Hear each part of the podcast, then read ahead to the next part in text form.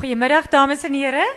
Dit is mij baie lekker om jullie namens Tafelberg, Kwelerie, Human en Rousseau en NB Uitgevers welkom te weet bij vanmiddag se of vanjaar se Digtersparadijs. Wat een van die hoogtepunten van die woordfees is. Die digters wat vandag voorlees is Daniel Hugo, Joan Hambidge, Dani Maree en Antjie Krog. En ik ga nou niet bijpraten, nie. ek gaan net heel eerste aan die beurt is Daniel Hugo, wie se jongste digbundel Takelwerk pas by Human en Rousseau het. Dit is sy 15de digbundel. Hy het ook al verskeie bloemlesings uit die Afrikaanse poësie en verhaalkuns saamgestel en is natuurlik verder bekend as vertaler uit Nederlands en Engels. Maar vandag is ons hier vir die poësie en ons luister graag na jou Daniel. Baie dankie.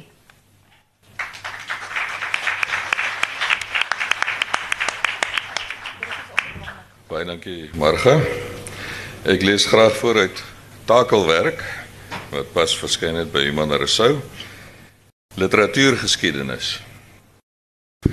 In 'n tweedehandse boekwinkel as liefdadigheidsorganisasie bedryf deur die kerk ontdek ek Euskriege se eerste digbundel uit 1935, opgedra aan ene Gideon Uys en geteken deur die blonde digter Troubadour. Ek vermoed die boek kom uit John Kannemeyer se verstrooide nalatenskap en koop dit as bewys van my liefdadigheid teenoor 'n ongeliefde man. My eerste mentor, my vriend en vyand. Hy was los van tong, maar nooit nalatig met sy biblioteek nie. Rye gealfabetiseerde sweye. Hierdie boek breek my hart. John was die grootste van 'n Gideonsbende, bewakers van die gedrukte woord. Nou uitgedun tot snuffelaars tussen stowwerige rakke, skamel versamelaars van 'n taal se ellende. Die digter as roker. Net soos 'n roker sy asem sigbaar maak, gee die digter vlugtig vorm aan sy gees. En die geheim is om dit ewig maklik te laat lyk as asemhaal. Maar daar is die met swaar emfiseem wat worstel om hul gedagtes lug te gee.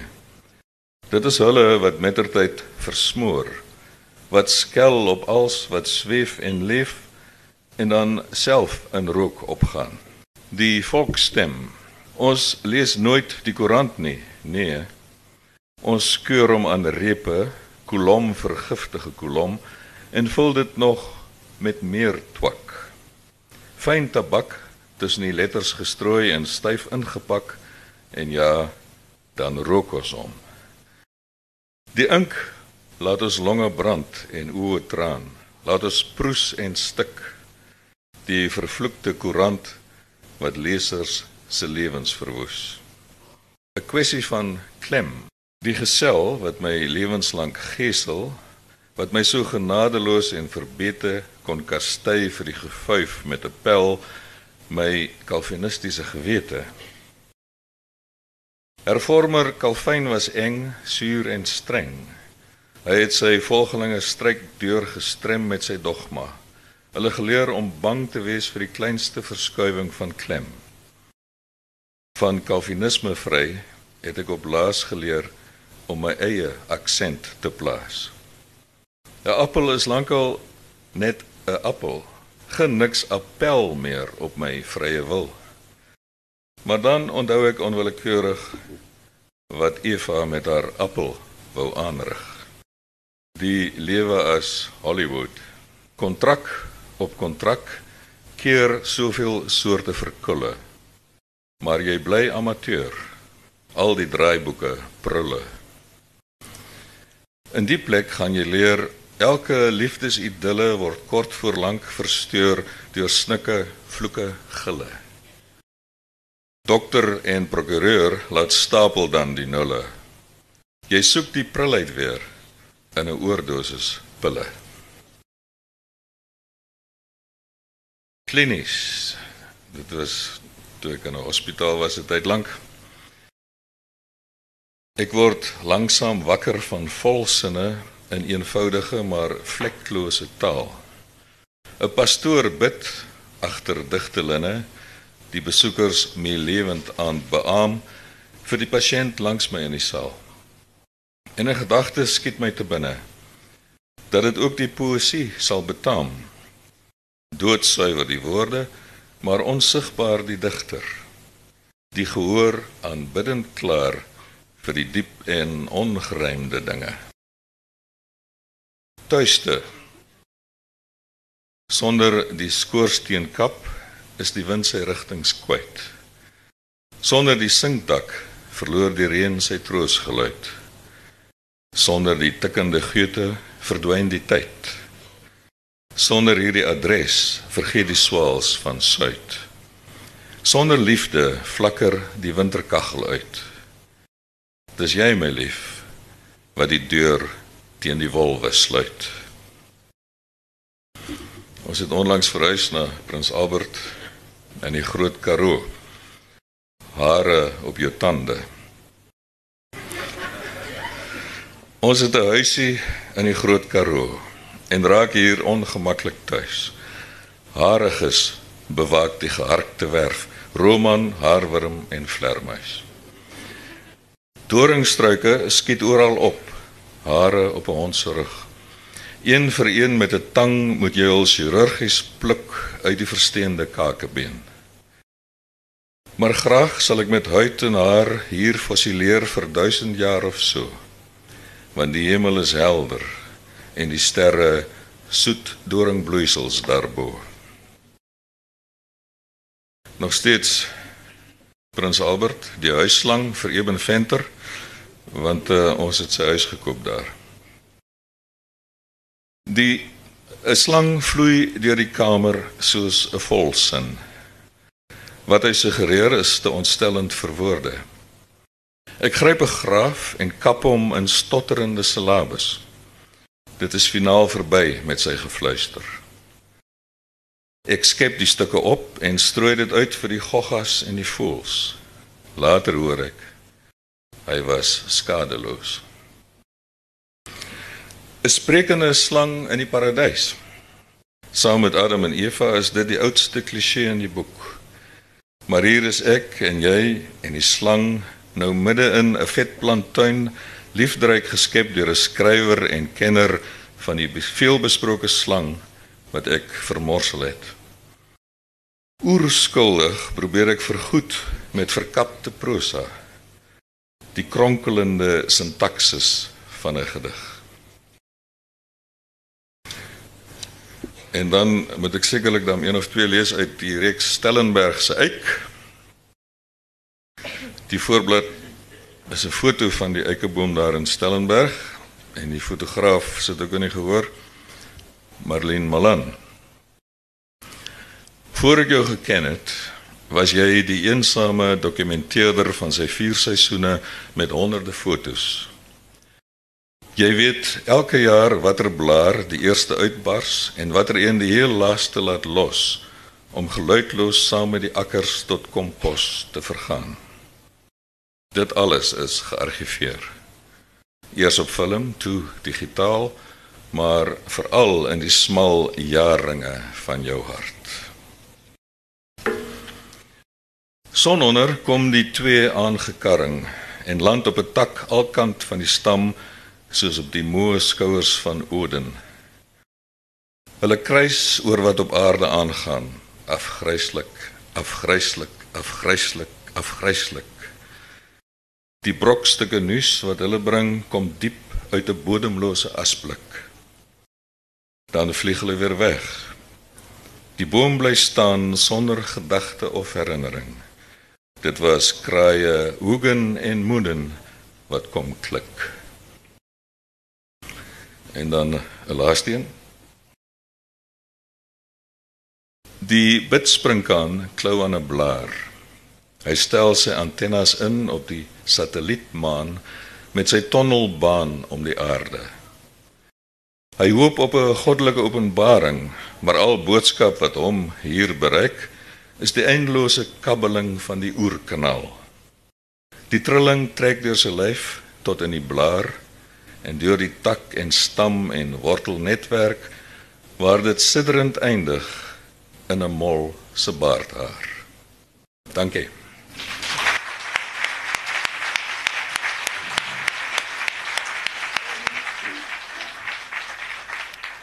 Baie dankie Daniel. Joan Hambidge is professor in Afrikaans en kreatiewe skryfkunde aan die Universiteit van Kaapstad. Sy is bekend as digter, akademikus, resensent, skrywer.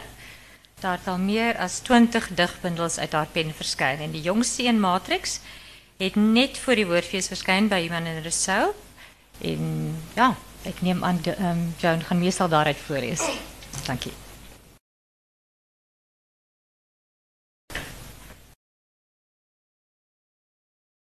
Goeiemiddag dames en here.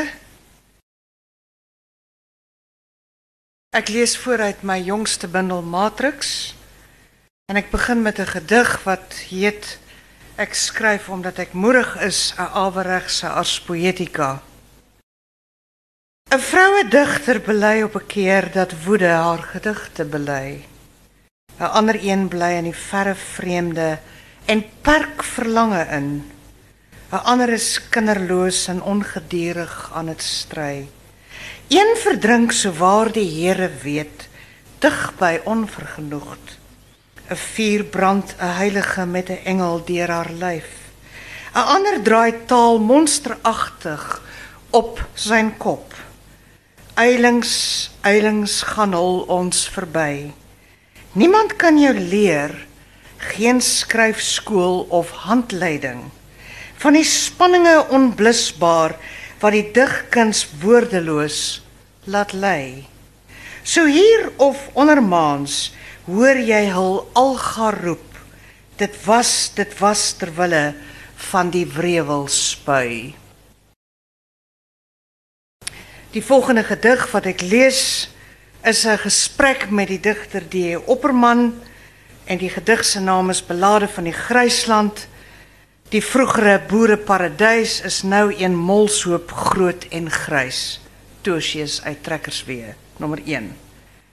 Hy tonnels van die nag tuur ek oor die landskap van eysterspore, die vele bindels wat na u vertrek hul opwagting maak, die nuwe eiendoms onbeperk met vele digters en diskoerse in die Afrikaanse taal se vele bottelnekke.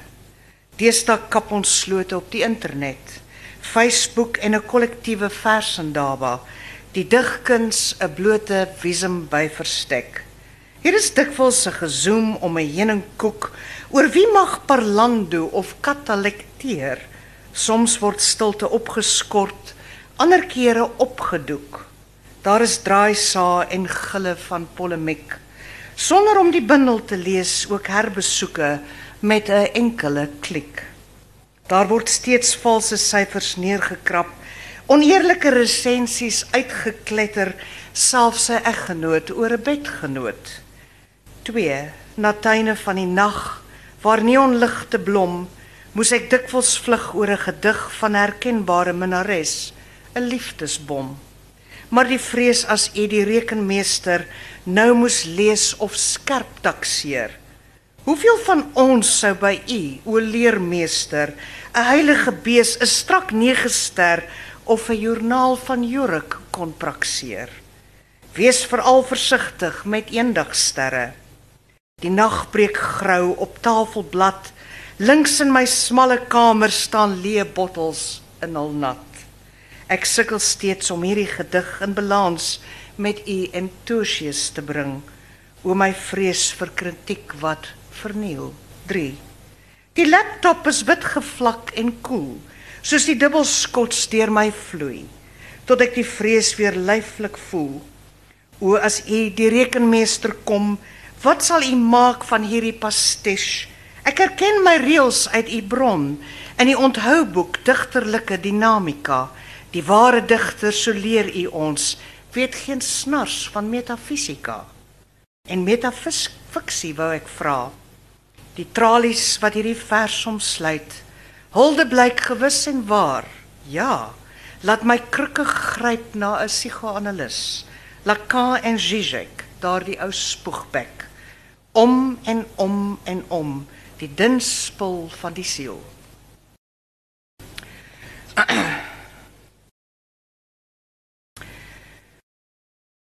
Vivaldi.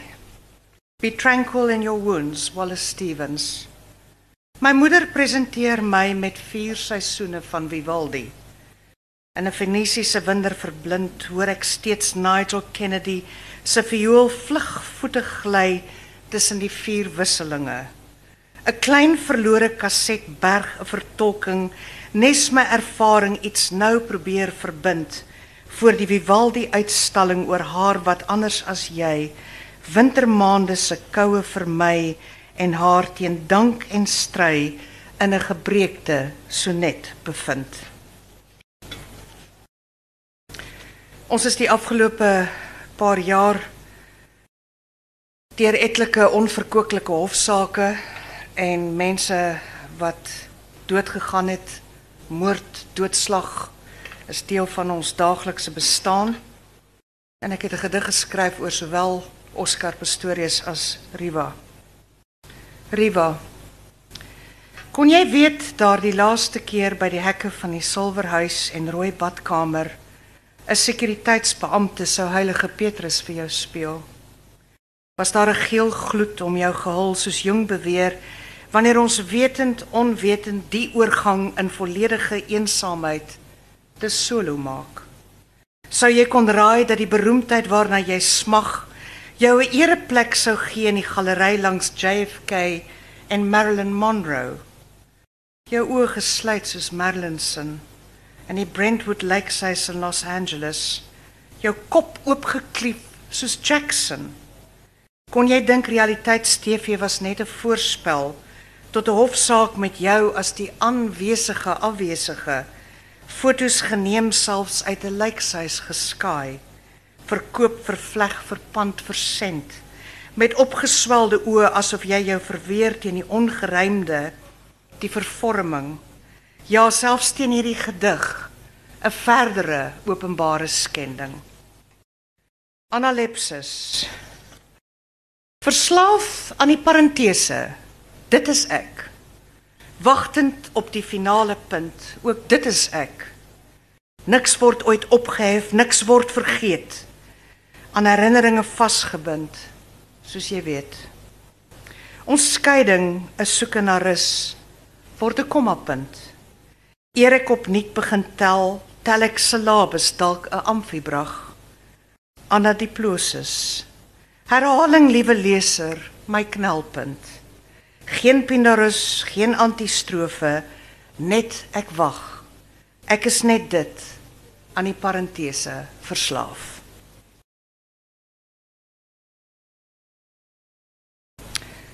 Is daar nog tyd vir 'n gediggie? Hoeveel tyd het ek nog? 5 minute, 3 minute. OK, 3 minute. Emily D op Facebook. I dwell in possibility. Hoeveel volgelinge sou jy op Facebook trek? Oor hoop as die ding met vere wat woeker in die siel. Oor jou liedere van eensaamheid met spaars afgetelde syllabes. Sou jy elke dag aanmeld en 'n boodskap laat oor nog 'n dag sonder voorval? Of gebeurlikheid. Dalk iets vertel van die singende bome en die klaande hytjie hier of die blomme in jou tuin. Sou jy iemand aanvriend of afweer wat niks begryp van die hartslag van die aandagstreep? Hoe sou dit tog alles klop? Die intens private digter uitgelewer aan singende sinnelose energie.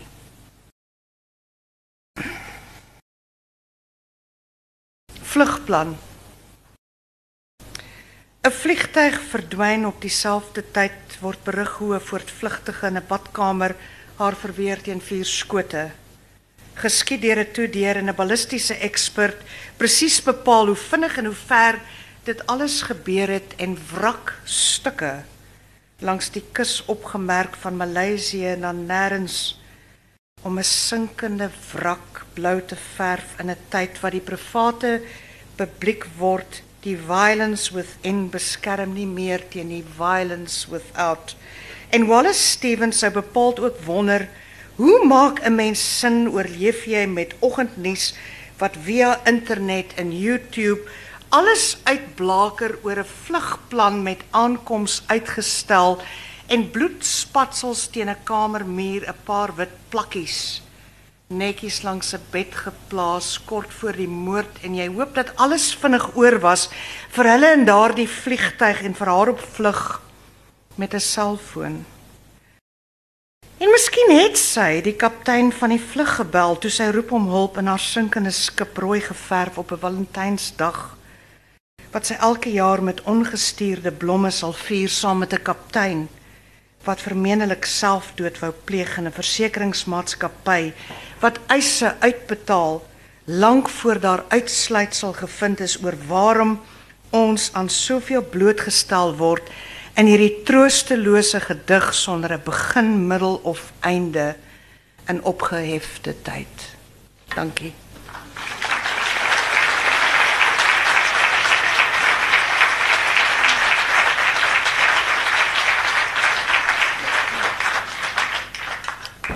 Baie dankie Joan. Dani Maree is digter en joernalis, adviseur van Pen Afrikaans. Sy eerste digbundel in die buitenste ruimte het in 2006 verskyn en is bekroon met die Maree, die Ingrid Jonker en die Universiteit van Johannesburg debuutprys.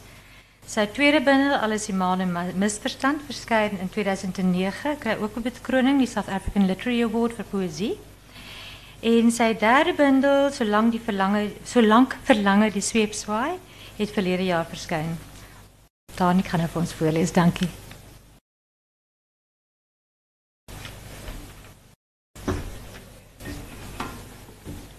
Goeiemiddag. Net gou hierdie bietjie hoor probeer.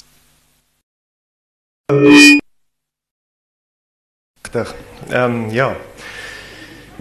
Die eerste gedig in Solank verlange die sweep swaai se vonk kom van 'n liedjie van Leonard Cohen, A Thousand Kisses Deep, waarin hy sê the ponies run, the girls are young, the odds are there to beat. You win a while and then it's done your little winning streak. You lose your grip and then you slip into the masterpiece. En ek het altyd gewonder wat hy bedoel die meesterstuk is. En ehm um, ja, ek dink is die lewe.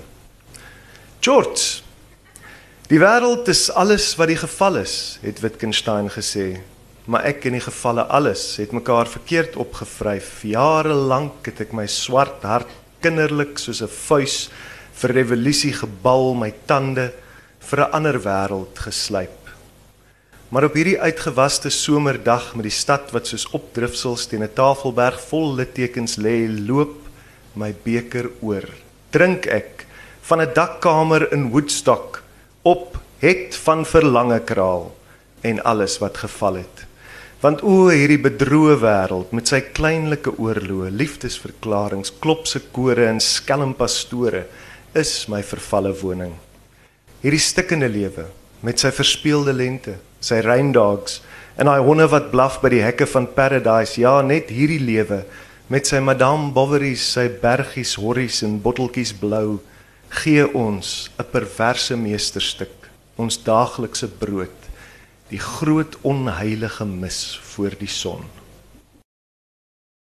As my vrou As my vrou die Mary van 'n Springsteen song was, sou ek haar naam weer met 'n stywe hart in die stort kon sing. As my vrou die heldin in 'n Wong Kar-wai fliek was, sou haar broeiende oosterse verlange my weer so suurdeeg deurtrek het. As my vrou die hoofkarakter in 'n Russiese roman was, sou ek haar afvou rokkel in my kop waar sy sê ek eintlik bly, sou ek haar met alle geweld wou bevry van die sad country song waarin sy soos 'n Hawaii se gitaar opgeneem is, van die mislukte kinderdae in drie slaapkamer huis wat sy soos 'n middelklas plakker sonder 'n lotto kaartjie met haar ontoereikende man en so baie om voor dankbaar te wees bewoon soos 'n halfrym in een van sy ondeurdigte verse waar niemand behalwe die kind meer arms het of rede verstaan nie waar die kat so kla, die kind so kraai, die kraan so drup en die sekslose nagte so stram en lank en gelaai geword het.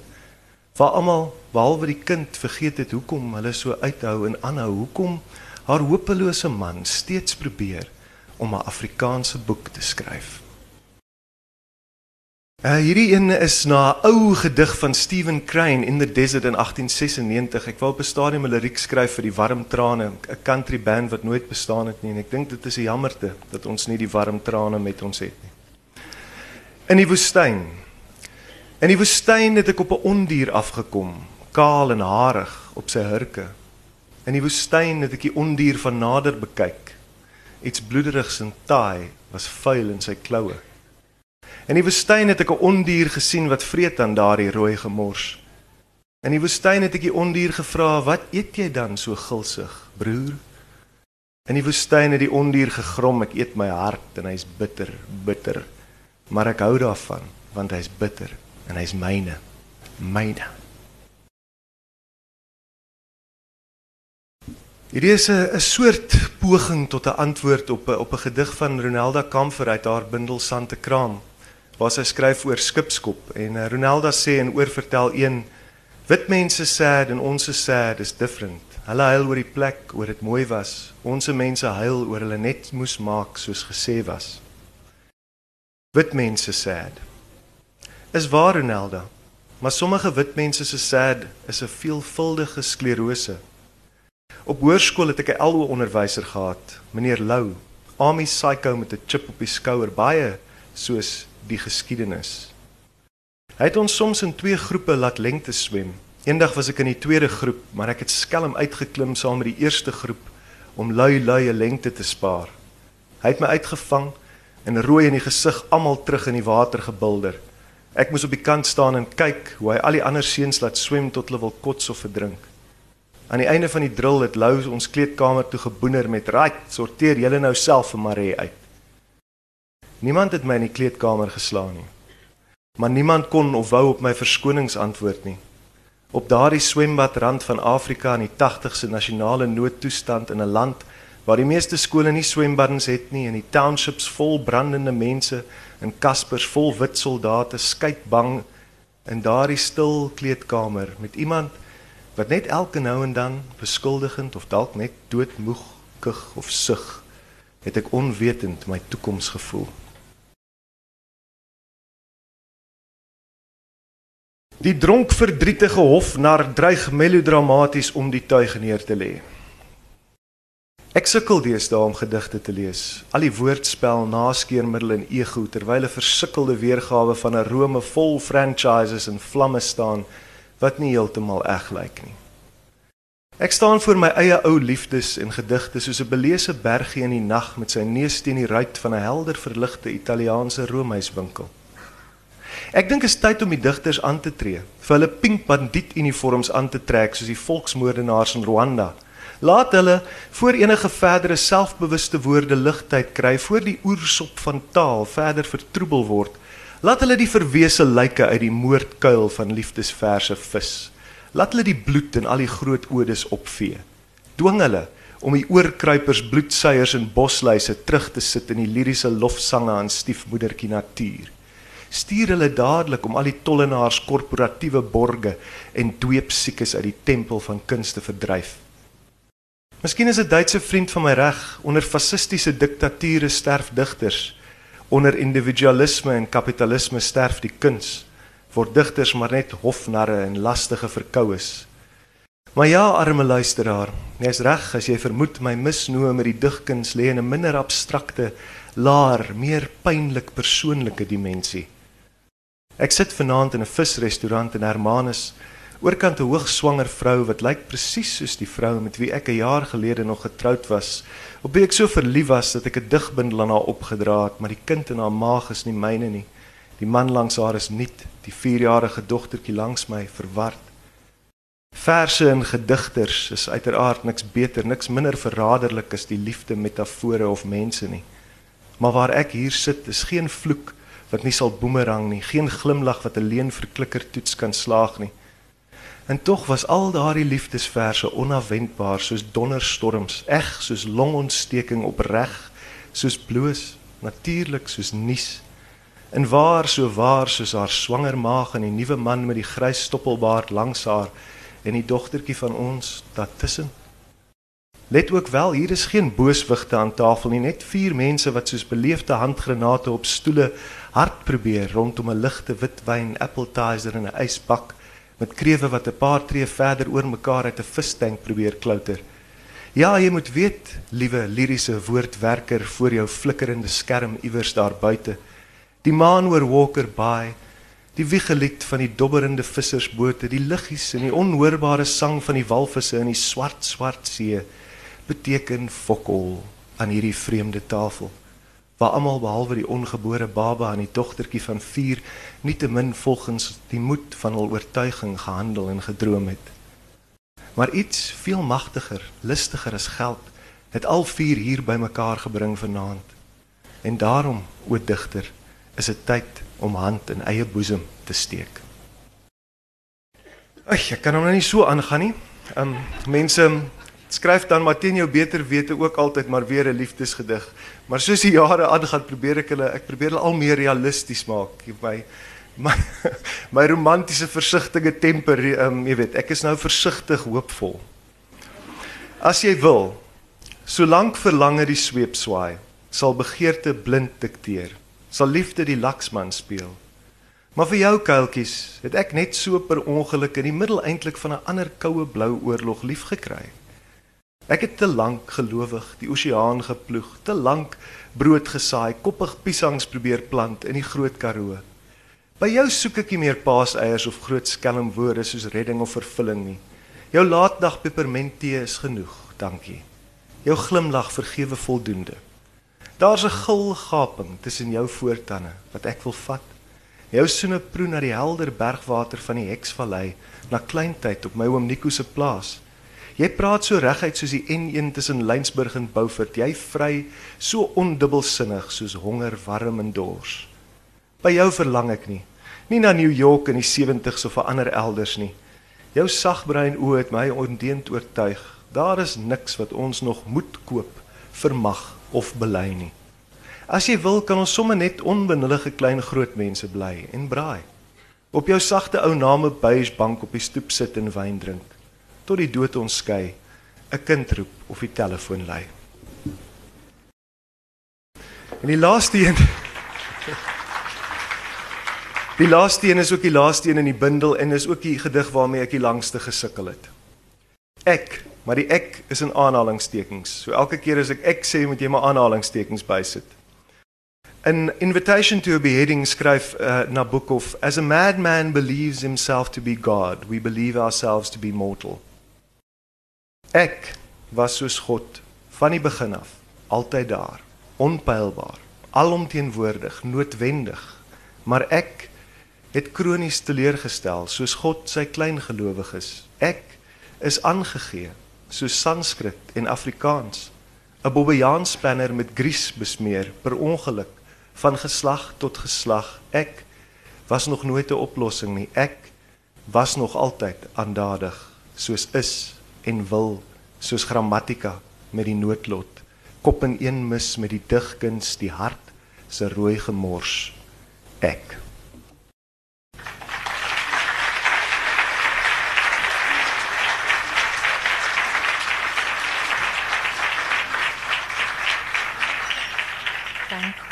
Ons sluit af met Antjie Krog, haar 12de digbundel in Afrikaans Medewete het verlede jaar verskyn. Dis uh, tegelijkertijd ook in Engels gepubliseerd onder die titel Synapse.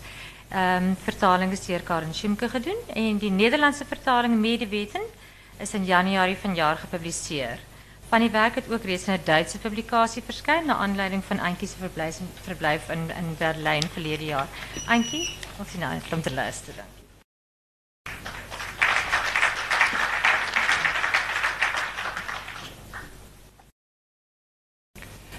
Retina loslating.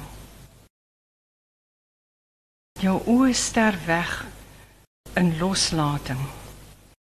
Die stil wêreld yswandig in oogspieëls versnoot al die vry gebuitelde blessure wat bly is en kristalle van die onsegbare op pad na die spreekkamer ontwarde bewonde ontnagte halms. Jou oë roei ontgoogeld as kriptiese akwamaryn snikke deur die graan. Twee oogeë waarby die ek tot vermoë spat. Hoe helder blaf die winter teen ons op. Vanoggend so ooggestremd hoor ek jou 'n binneruim nattigheid te laat. Jou oopverslaane oë desperant en na bo kykend knipper in geperforeerde sklera met sy drywende lewers ingevreemd kyk jy toe hoe jy die intens betuurde word ontkykend verkykend ek omhals die onversluitbare nimmer loslatende blik. Dit bly by jou uitbreek die volheid as deurbraak tot sterwery. Alle verset skielik verpuind. Van elders stap ek die gemaalde lig in jou oë tegemoet.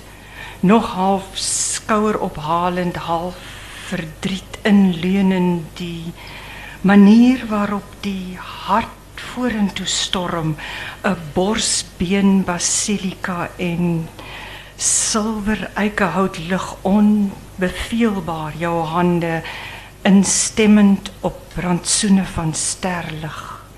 Glasflitsend word donkerde al hoe dringender aangestip die vryhandtekening van jou liggaam openend skerper wordend van nou af die hart altyd sigbaarder wanneer liggame breek as buitels van stilte toe die jongste kind Toe die jongste kind uit die huis trek, was daar 'n paar dae stilte.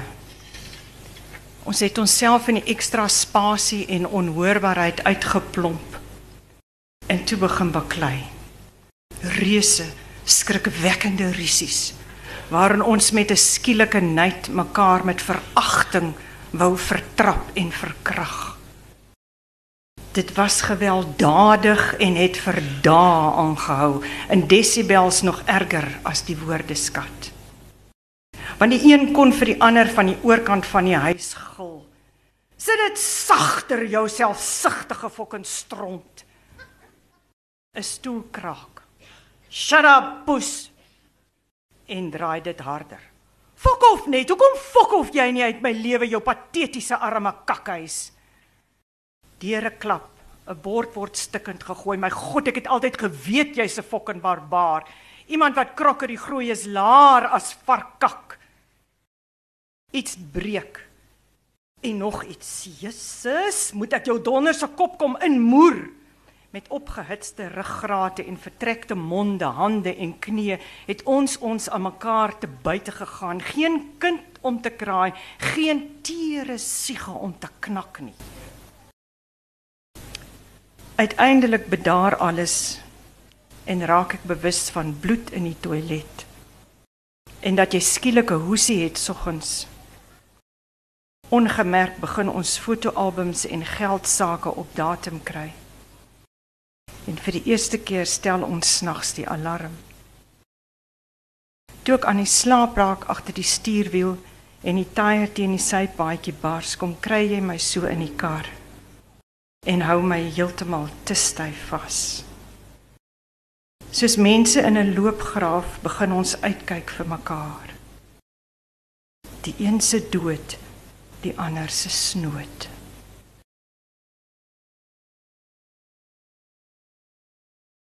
Ek wou Woensdag begin het met hierdie gedig, maar dit was so 'n droewige dag met al die brand en die hitte en die goed. Maar aangesien ek nou laaste is vandag in die digterparadys, begin my om 'n gedig te lees waarvan ons niks gaan verstaan nie. Met ander woorde laat jou na al die onsaglike betekenisvolle woorde kom ons neem net so ligte breek met woorde wat enigiets kan beteken.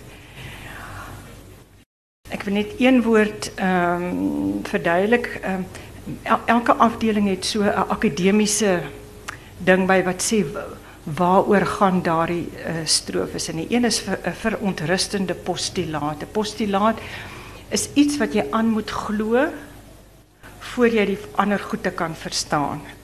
En die iets waaraan jy moet glo, dink ek, hoop ek om die gedig te verstaan is dat ons almal aan mekaar verbonde is. Nie net aan mekaar nie, maar ook aan 'n aan 'n universum. Die onkwantifiseerbare. My liggaam leer geleidelik die ontologie van aansigbaarheid lees. Om sodoende met heel heils wordende vibrasies as permanente onsekerheid op asem te kom.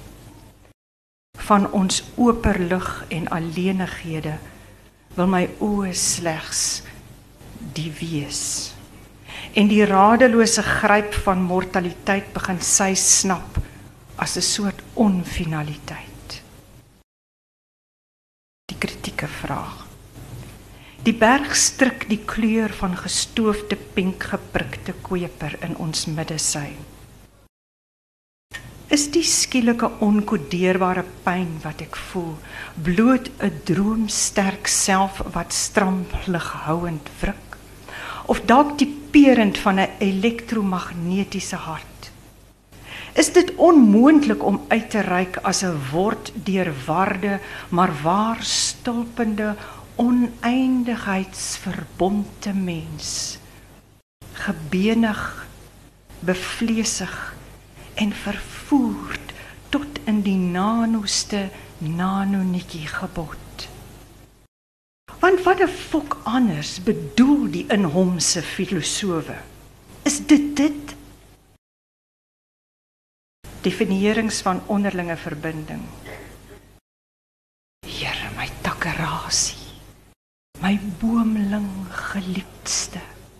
Hoe charmant oogig waak jou alles herstellende begrip van boom wees.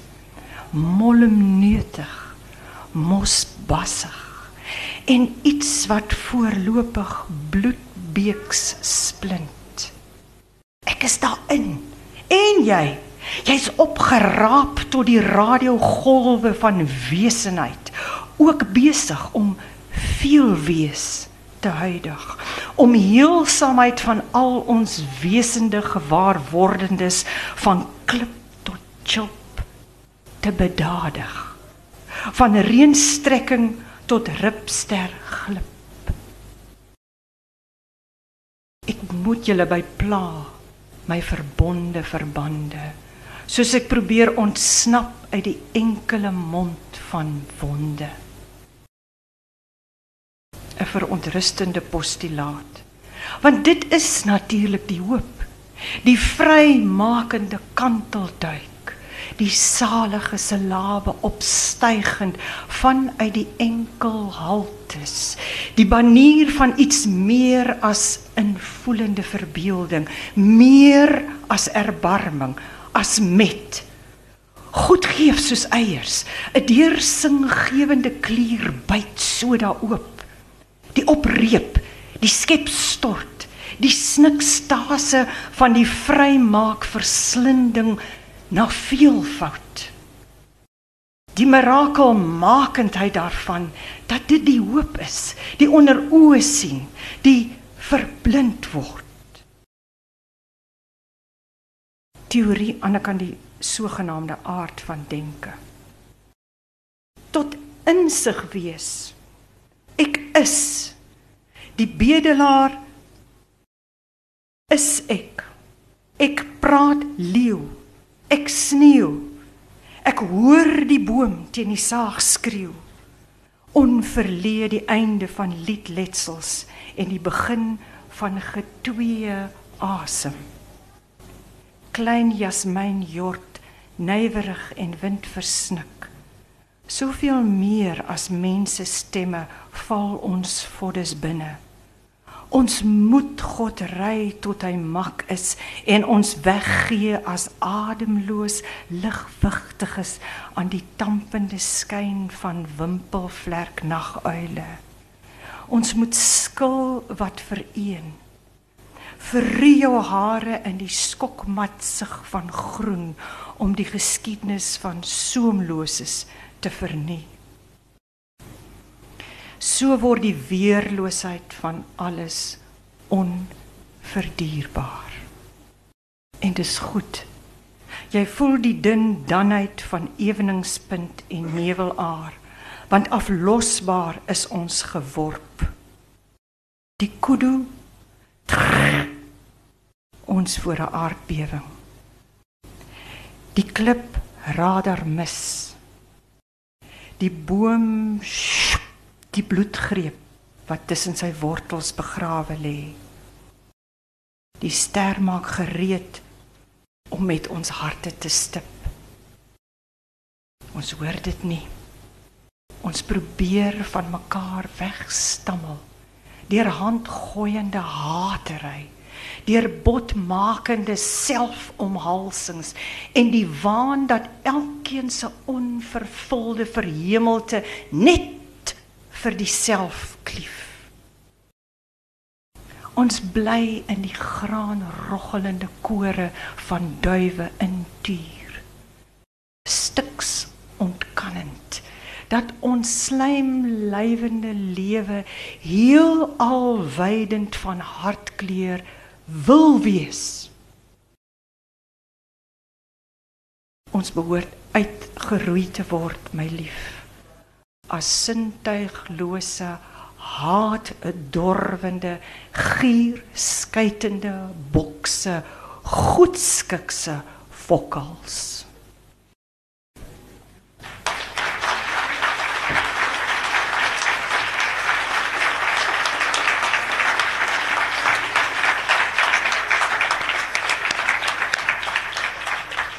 Baie dankie. Daniel, Antjie, Joan, Dani, dit was besonder. Ehm dames en here, die digters gaan nou deurstap na die boekwinkel toe. Ek vra jy om nie na die verhoog te kom nie. Um, hulle sal boeke teken, hulle gaan daar wees, hulle saam met u kan praat, so as so en so sal dan kan daar, dan kan ander mense inkom en kan ons aan die gang gaan. Baie dankie dat julle hier was.